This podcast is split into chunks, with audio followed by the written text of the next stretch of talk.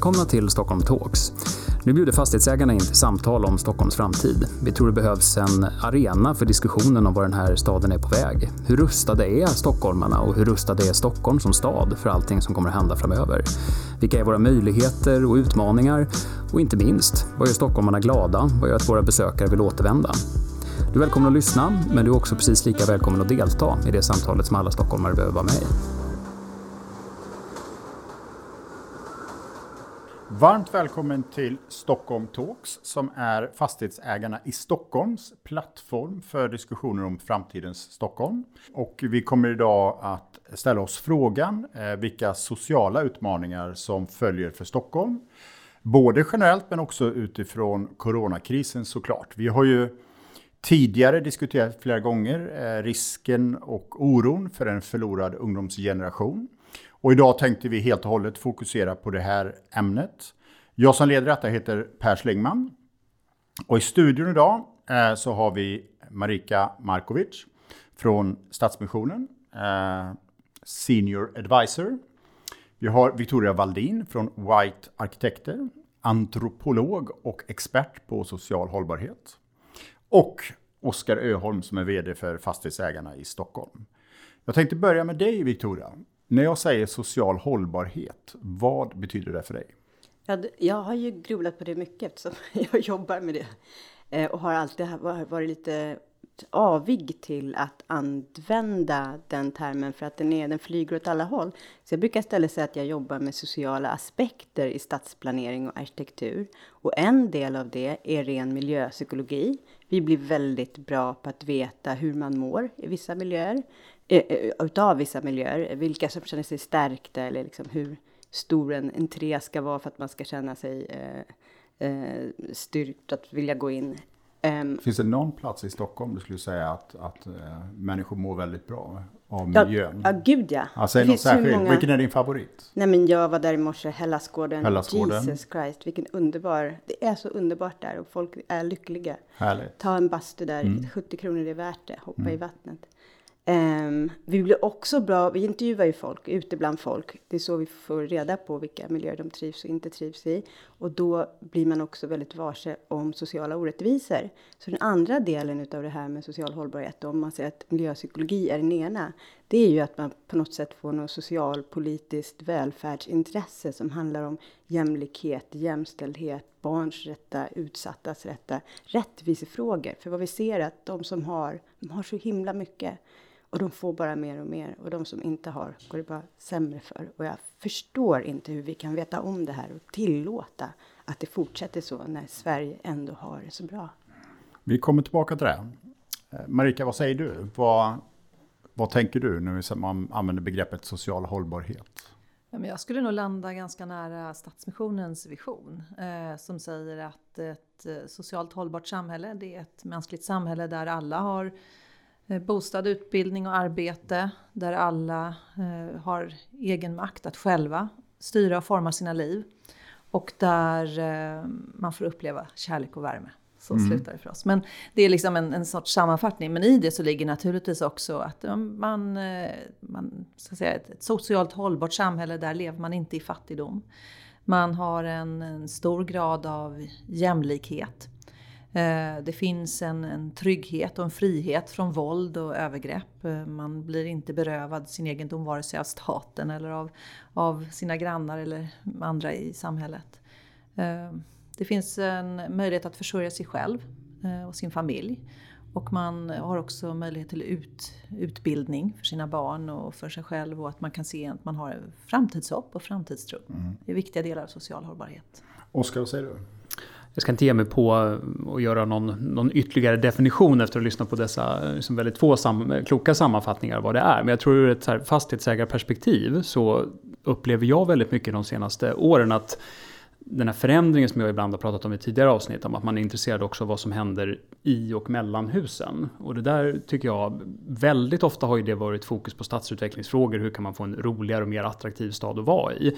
Men ju mer den diskussionen har pågått så, så tycker jag också att det finns ett större intresse bland fastighetsägare att, att ha samma perspektiv men fundera också på vad har man då för ansvar? Vad kan man göra för att underlätta? Vad kan man göra för att liksom vara en god samhällsaktör i detta? Eh, och att man faktiskt besitter en del sådana verktyg som fastighetsägare. Så att på det sättet har det blivit en, ja, mer utav en, en, en fastighets, fastighetsägarnära fråga att prata social hållbarhet också. Mm. Jag tänkte vi skulle börja egentligen med att, att fundera lite grann på hur det står till. Eh, och det här är en diskussion som är långt, långt, långt ifrån är ny. Utan det är en ständigt levande diskussion kring hur städer möter de sociala utmaningarna. Hur man skapar, egentligen motverkar det ni säger är hotet mot eh, hållbarhet. Men sen är det också så att, att vi befinner oss mitt i hanteringen av en pandemi. Eh, där vi har eh, saker som social distansering, vi har varsel, eh, vi har eh, både redan nu men också under en tid framöver ganska stora tapp i BNP, vilket innebär mindre gemensamma resurser att fördela. Det var en norskt statsråd som sa att den som drabbas allra hårdast idag det är eh, kvinn, den ensamstående kvinnan eh, som är handelsanställd. Eh, som drabbas väldigt, väldigt hårt när liksom handeln och besöksnäring drabbas. Men om jag ställer frågan så här. Eh, vilka drabbas hårdast av coronakrisen? Är det någon som... Eh, ja, men jag kan eh, ja, börja då. Varsågod. Det, det är klart att jag skulle vilja säga att det kanske inte är, I Stockholms Stadsmission jobbar vi ju med många olika målgrupper. Det finns ju en stor grupp som vi jobbar med som, som redan idag och tidigare har levt på försörjningsstöd. Och det är klart att de inte omedelbart kanske drabbas så hårt i och med att de finns redan i, i välfärdssystemet och har eh, så att säga, insatser där redan. Men de som då har levt precis på marginalen, vilket också är en andra stor grupp som vi arbetar med. De som precis kanske klarar sig på tillfälliga jobb eller ett väldigt lågbetalt arbete eller en väldigt låg pension. Um, uh, där ser vi ju nu att det drastiskt och snabbt förändrar sig för den gruppen. Och det handlar ju också, det kan handla om EU migranter, medborgare som kanske har levt etablerade i Sverige under flera år och hankar sig fram i olika korttidsjobb och så.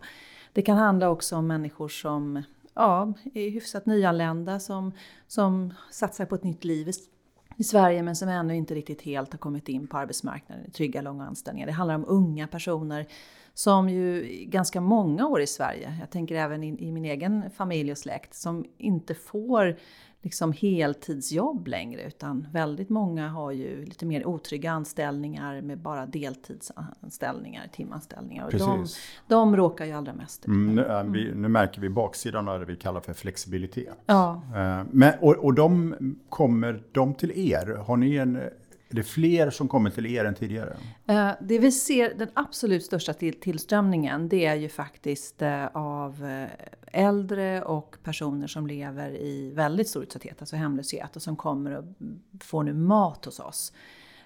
Men jag skulle vilja säga att de här grupperna av ekonomiskt svaga, eller som lever väldigt instabila ekonomiska situationer, de, de kommer inte komma riktigt, riktigt än. För en del av dem har lite fallet, alltså de, de eh, söker sig till sina familjer eller de har ett litet, litet kapital som kan räcka någon månad så de kan sig framåt. Men eh, däremot så ser jag att det, om vi tittar över sommaren här, om det blir så att de här nu alla de här tillfälliga jobben uteblir hela sommaren. Då ser jag efter sommaren att vi kommer ha väldigt mycket större tillströmning av människor som behöver ekonomiskt stöd. Och det handlar om att klara av hyran, eh, och att kunna till exempel köpa mat. Där ser vi redan faktiskt, just när det gäller att kunna få eh, bidrag till mat. Och det har ju vi möjlighet att ge, eller kläder och så. Mm, om, man, om man tittar på hela samhällsutvecklingen, är du, är du genuint orolig för följderna av det vi är inne just nu?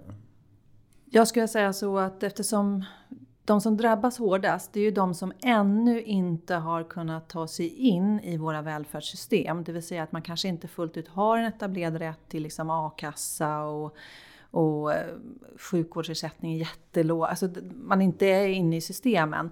Ja, där ser jag ganska snabbt att de kommer hamna i ekonomisk utsatthet och riskera vräkning. Det är också de grupperna som lever med de högsta levnadsomkostnaderna många gånger.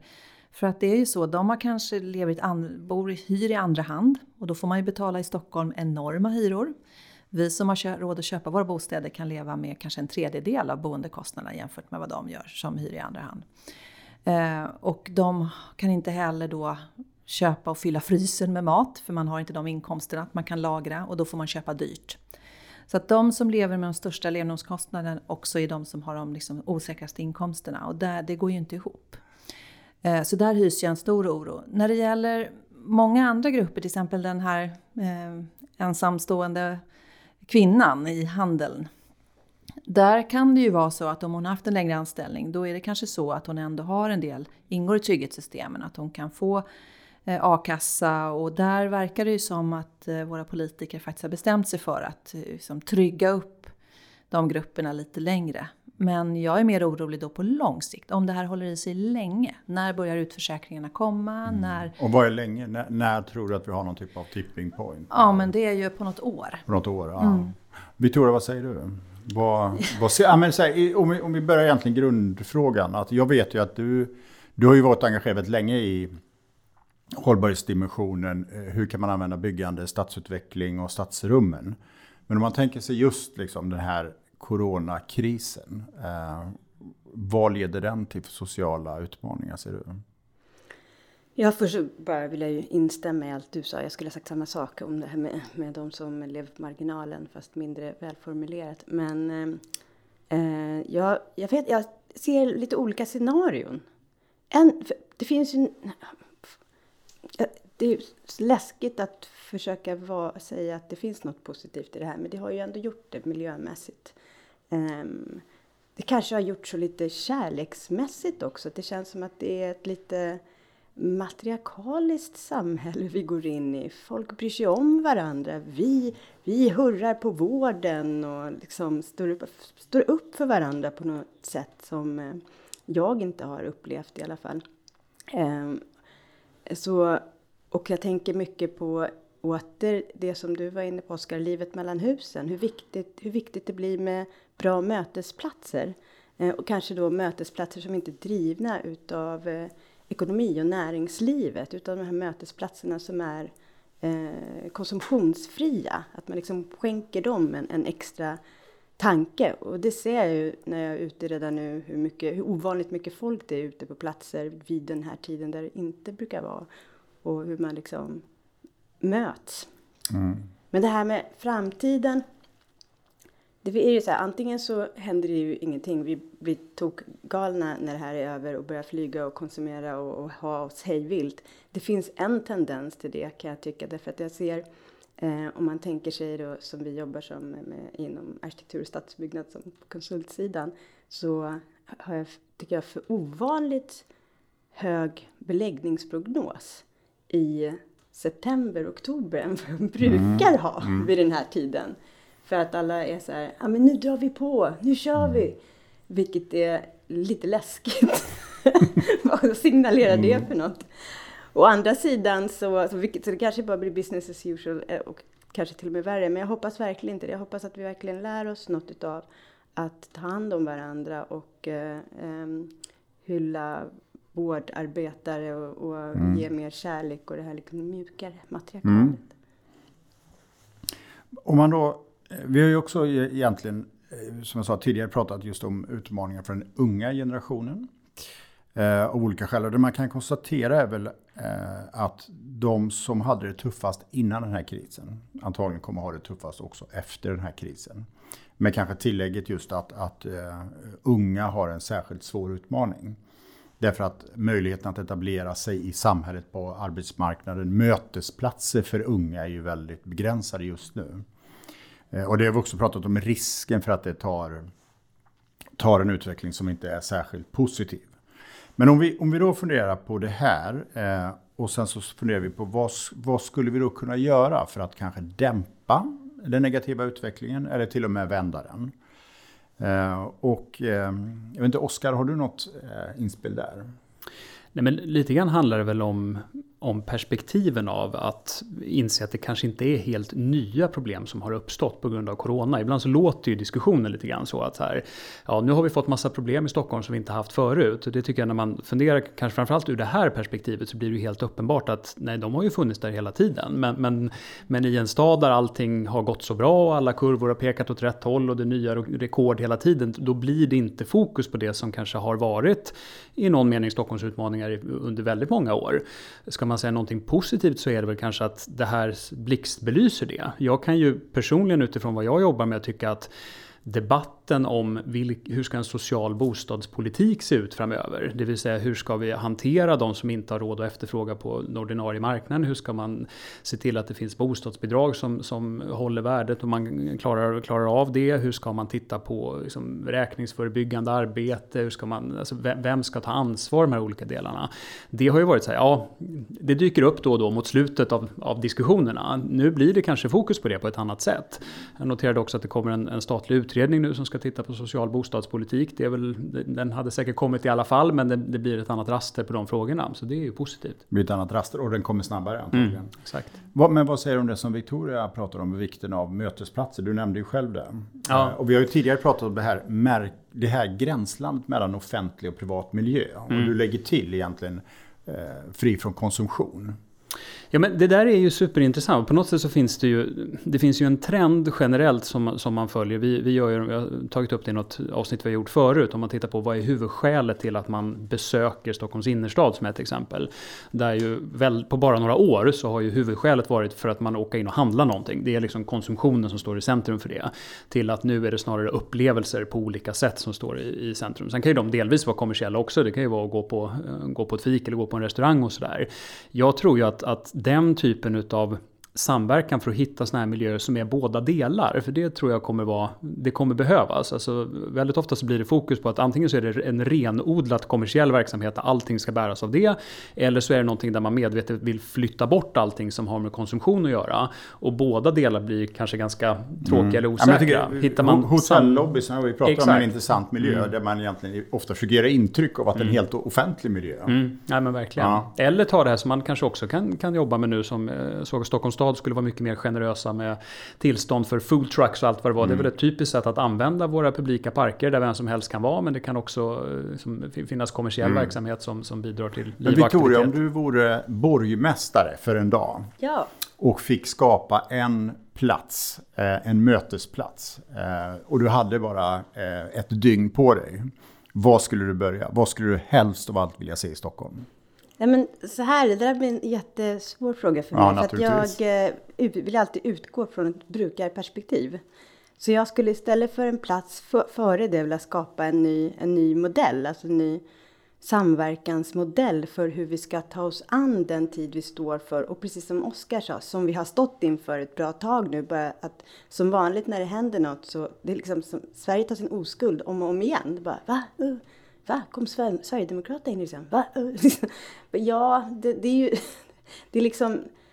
Vi är aldrig beredda på grejer, men nu måste vi lära oss att bli beredda på att livet inte är ett bananskal hela tiden. Och den här modellen, den kan inte luta sig tillbaka på det gamla välfärdssamhället som vi har hållit på och dribblat med sedan Typ, typ 40-talet i alla fall. Vi, vi har fortfarande en organisation som kommer utifrån något som inte håller längre.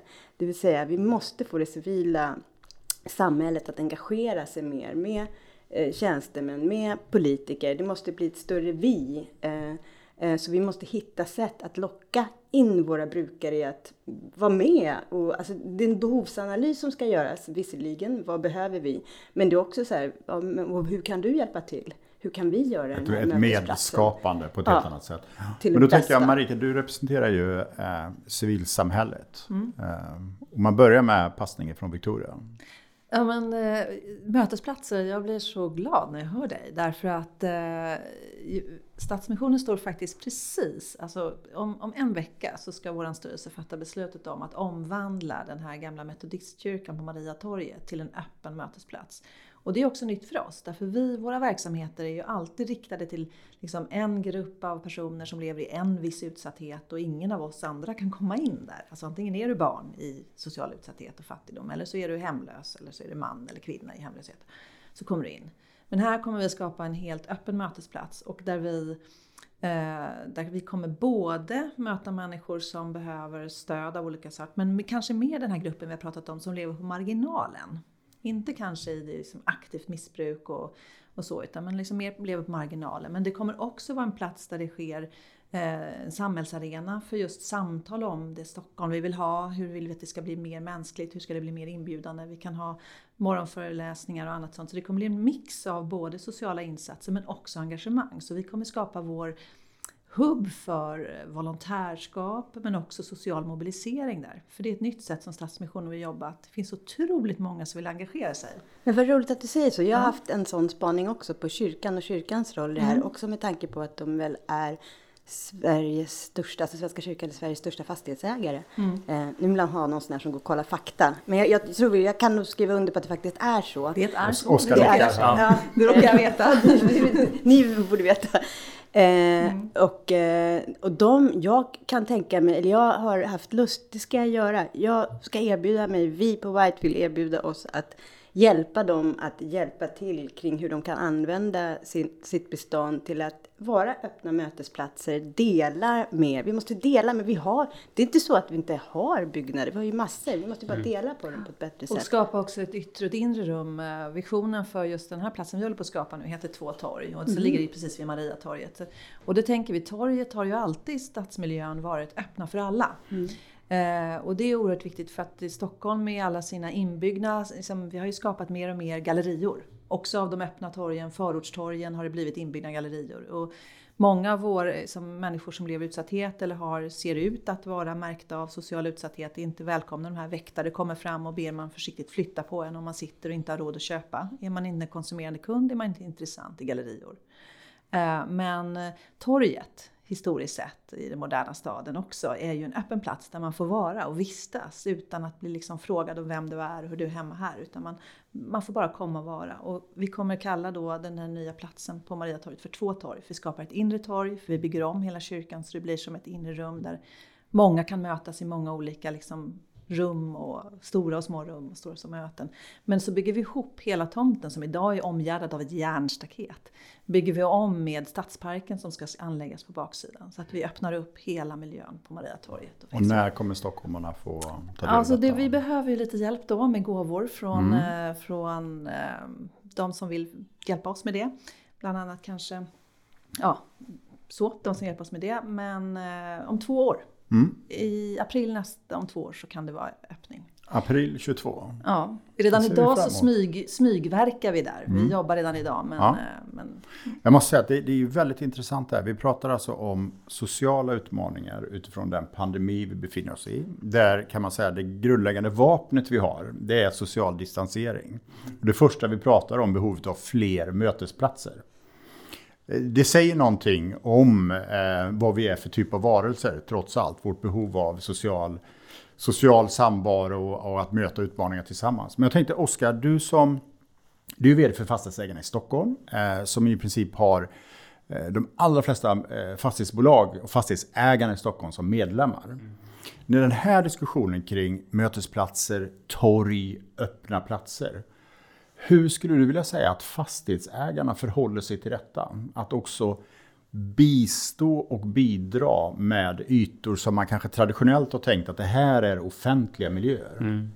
Jag tycker att det har, varit, det har varit intressant de senaste åren hur, hur det har blivit mer och mer sådana diskussioner. Hur man kan ja, använda ytor som man kanske inte tänkte på fanns där eh, till att hitta på nya saker. Jag tycker mycket av de här samarbetena som har skett med, med staden för att eh, kanske särskilt på sommaren, om man tar den här eh, på Sergelgatan med det fastighetsägare runt omkring gjorde där för man satte upp allt ifrån så enkla saker, så här, vi sätter upp ett pingisbord och utomhusschack eller vad det var och så, så, så, får vi människor som inte, ja, man är inte bara där och springer i butikerna, det är klart att det vill de ju också. Men, men det är en mer levande stad, det är sommar på Sergels torg och allt. Den typen av samarbeten har kommit mycket, mycket mer. Sen tror jag det finns en del som är ren självbevarelsedrift, det vill säga ja, men just sättet att agera i stadsrummet håller på att förändras. Det är inte bara att åka in och handla utan det är upplevelser på olika sätt. Det gör att många funderar på vad ska vi göra av våra bottenvåningar? Måste man börja tänka nytt att det kanske är en typ av verksamhet på dagen, det kanske är någon kulturell aktivitet som kan hända i den här lokalen på kvällen. Alltså den typen utav, av utveckling kan man ju också eh, se. Eh, så att det, det, det händer en hel del skulle jag nog säga. Mm.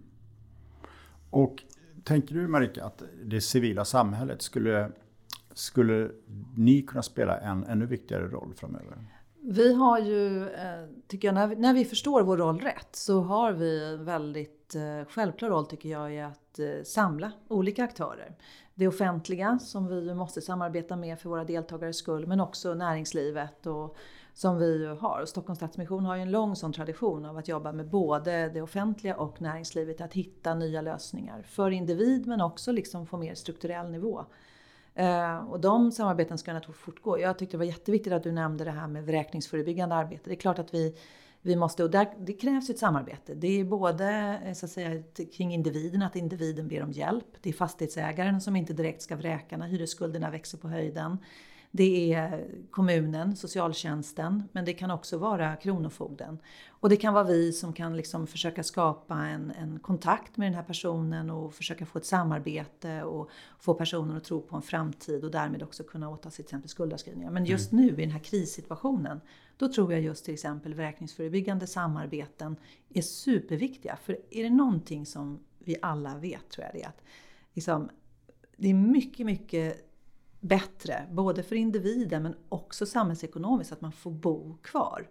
En vräkning, alltså en person som lever i hemlöshet, kostar samhället och också i livsvärde enormt mycket mer. Så att eh, jag tänker i den här sårbarheten som uppstår nu kring många människor så gäller det att, att skydda så mycket som möjligt och minska skadeverkningar så mycket som möjligt. Där behöver alla samverka. Det kan vara kyrkor, det kan vara fackföreningar, det kan vara liksom den här tidigare arbetsgivaren som kanske går in och ger några extra timmar ändå, bara man har lite utrymme. Alltså man, man, alla behöver bjuda jag till. Jag tänker också på det. Mm. Victoria sa ju här att, att vi också ser en del positiva mm. tendenser i miljö men också kärlek. Och mm. Jag tror vi alla upplever att, att väldigt många människor vill vara en del av en positiv utveckling, vill hjälpa till. Eh, och frågan är liksom, hur kan vi skapa plattformar för att människor faktiskt kan hjälpa till? Eh, när vi har ett civilsamhälle som bygger rätt mycket på att man antingen organiserar sig eller att man bidrar med ekonomiska resurser. Och det är ju också frågan, alltså, kan, vi tänk, kan, kan detta vara en tid för ny innovation? Att vi ser nya sätt, hur kan man hjälpa till?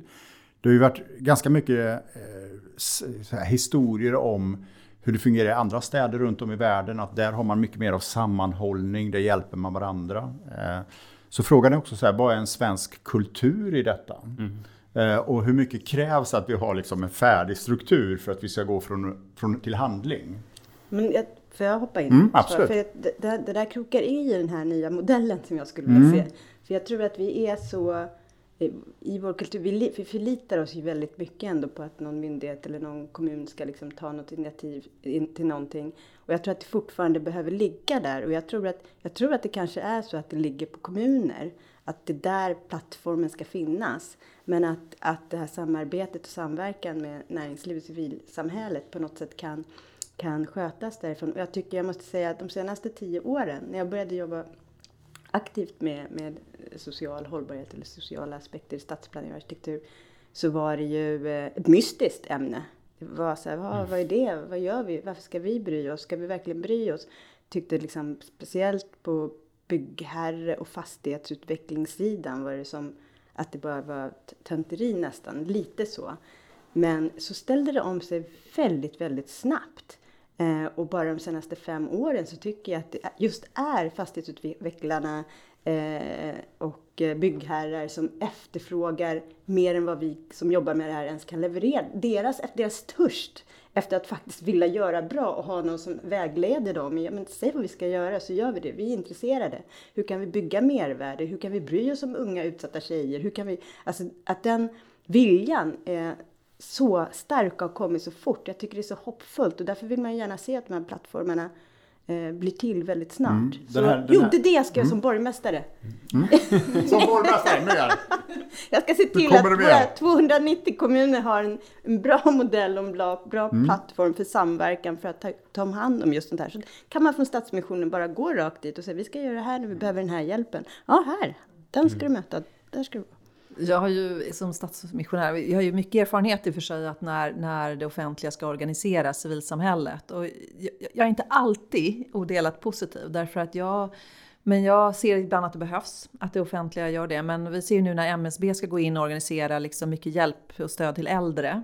Eh, så förstår oftast inte myndigheter civilorganisationernas liksom logik och hur vi bäst organiserar oss. I det här fallet tror jag i och för sig det har varit bra. Det har liksom täckts över hela landet. Inte alla organisationer som har en landstäckning, förutom Svenska kyrkan faktiskt. Men, men eh, däremot så trycker min vision är ju att eh, när jag då blir, inte vet jag, generalsekreterare för hela idéburen sektor.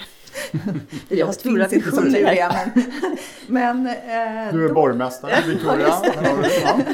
Det, Då, då, det jag skulle vilja det är att skapa liksom en idéburen sektor som faktiskt kan samorganisera sig själv. Och det är jättesvårt idag för att alla är helt disparata och, och tittar mot regeringen för att få finansiering. Och man samarbetar väldigt dåligt bilateralt tycker jag med, inom eh, idéburna organisationer.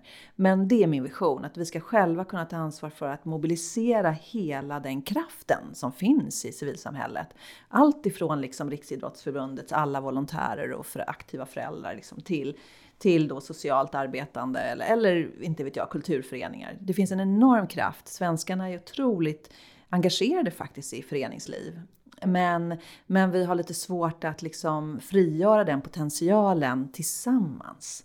Eh, och det, där är jag med dig. Det behövs en lite ny samhällsordning. Och min, min liksom framtidsspaning, den är sån att eh, jag tror faktiskt att vi är på väg åt ett sånt håll att eh, vi kommer inte ha råd med ett välfärdssystem som löser allting åt oss. Utan vi måste lite grann mer känna att vi som medborgare, samhällsmedborgare kan klara av att själva organisera oss kring vissa saker. Det kommer vara väldigt tydligt vad vi får via skattefinansierad välfärd och det kommer vara väldigt tydligt vad som ligger utanför det och det behöver vi lösa själva. Och därför så vi använder i Stadsmissionen ett ord som heter social mobilisering. Som handlar, det, det är en ren, det är faktiskt en kompetens att kunna mobilisera sig tillsammans med andra kring att lösa en fråga. Vill vi ha minskad narkotikaförsäljning utanför våra barnskolor. Liksom. Vad kan vi som föräldrar göra? Vilka behöver vi mobilisera? Vilka behöver vi tala med? Att man liksom får igång. Och där tror jag det finns ett jättestort engagemang idag. Många vill starta förändringsprojekt, men man har inte redskapen för hur man ska Verktygen, göra. precis, Verktygen. precis. Och det är bland annat en av de sakerna som, som då den här Mariatorget, den här liksom mötesplatsen vi skapar där, den ska bli en hubb för just social mobilisering. Där man inte liksom gör volontärjobb hos oss kanske, utan man kommer dit, lär sig ett redskap och gör det någon helt annanstans. Men det är ju någonting positivt kan jag tycka i, i den här tiden. För att i, ibland så kan jag störa mig lite grann på att den här diskussionen ibland blir att antingen är man för ett samhälle där vi har liksom ett robust välfärdssystem som löser alla de här problemen. Eller så ska vi ha ett system där, där ja, människor får fixa det själva och man är allmosor eller hur det beskrivs. Och det, det, ibland känns det som att det som har hänt nu det är att det finns plats för massor av engagemang. Det betyder inte att man inte ska ha ett robust välfärdssystem. Men den här lite påhittade konflikten däremellan eh, kanske försvinner lite för man ser det behovet. Och jag tycker att eh, den här coronakrisen som ibland beskrivs som att Stockholm har blivit en småstad för alla turister är borta och det är lite folk och det känns som att man, man går omkring i en liten småstad. De positiva sidorna av det kommer faktiskt också med det här. Vi hade i, i helgen var jag extremt road när ålderdomshemmet mitt emot där jag bor så hade de satt en trubadur på yttergården och sen så satt alla de äldre på balkonger och lyssnade på Bellman och allt vad det var som sjöngs. Eh, och eh, sen går jag ner i trapphuset och där sitter liksom lappar med, med att är det någon som behöver hjälp att bära hem saker. Så jag plötsligt har jag lärt känna mina grannar, jag, jag, jag vet vilka som bor i kvarteret kvarter. Alltså, det är de positiva delarna av att vara en småstad också. Och med det engagemanget som finns för, för sina medmänniskor på ett annat sätt än vad vi kanske har i den här storstadsbilden varit vana vid. Precis, men jag tänkte, du nämnde här småstaden Stockholm. Eh, och det är lätt att man, som ofta, det är både ett svenskt fenomen, ett Stockholms fenomen och ett fenomen att vi tror att vi lever i världens bästa stad. Det skulle jag säga att många av oss här inne håller med om. Men frågan är, finns det någonstans vi kan blicka mot något annan del av världen, någon annan stad och lära oss någonting? Victoria, du nämnde ju det här med en annan typ av modell. Det tillämpas ju på en hel del håll, andra, man experimenterar en del, ibland kallas det för bids och, och annat. Men om du fick om du fick blicka ut i världen till någon annan stad, där det är så att här skulle Stockholm kunna inspireras? ja, alltså, det är så roligt, det är så västerländskt drivet också. Mm. Det är mm. klart att BID är, är, kan vara intressant. Men ja, jag, skulle, jag skulle inte titta på någon stad i någon, någon utav de städerna som man kanske skulle tänka på här. Utan jag skulle, jag skulle direkt tänka på Medellin i Colombia. Mm.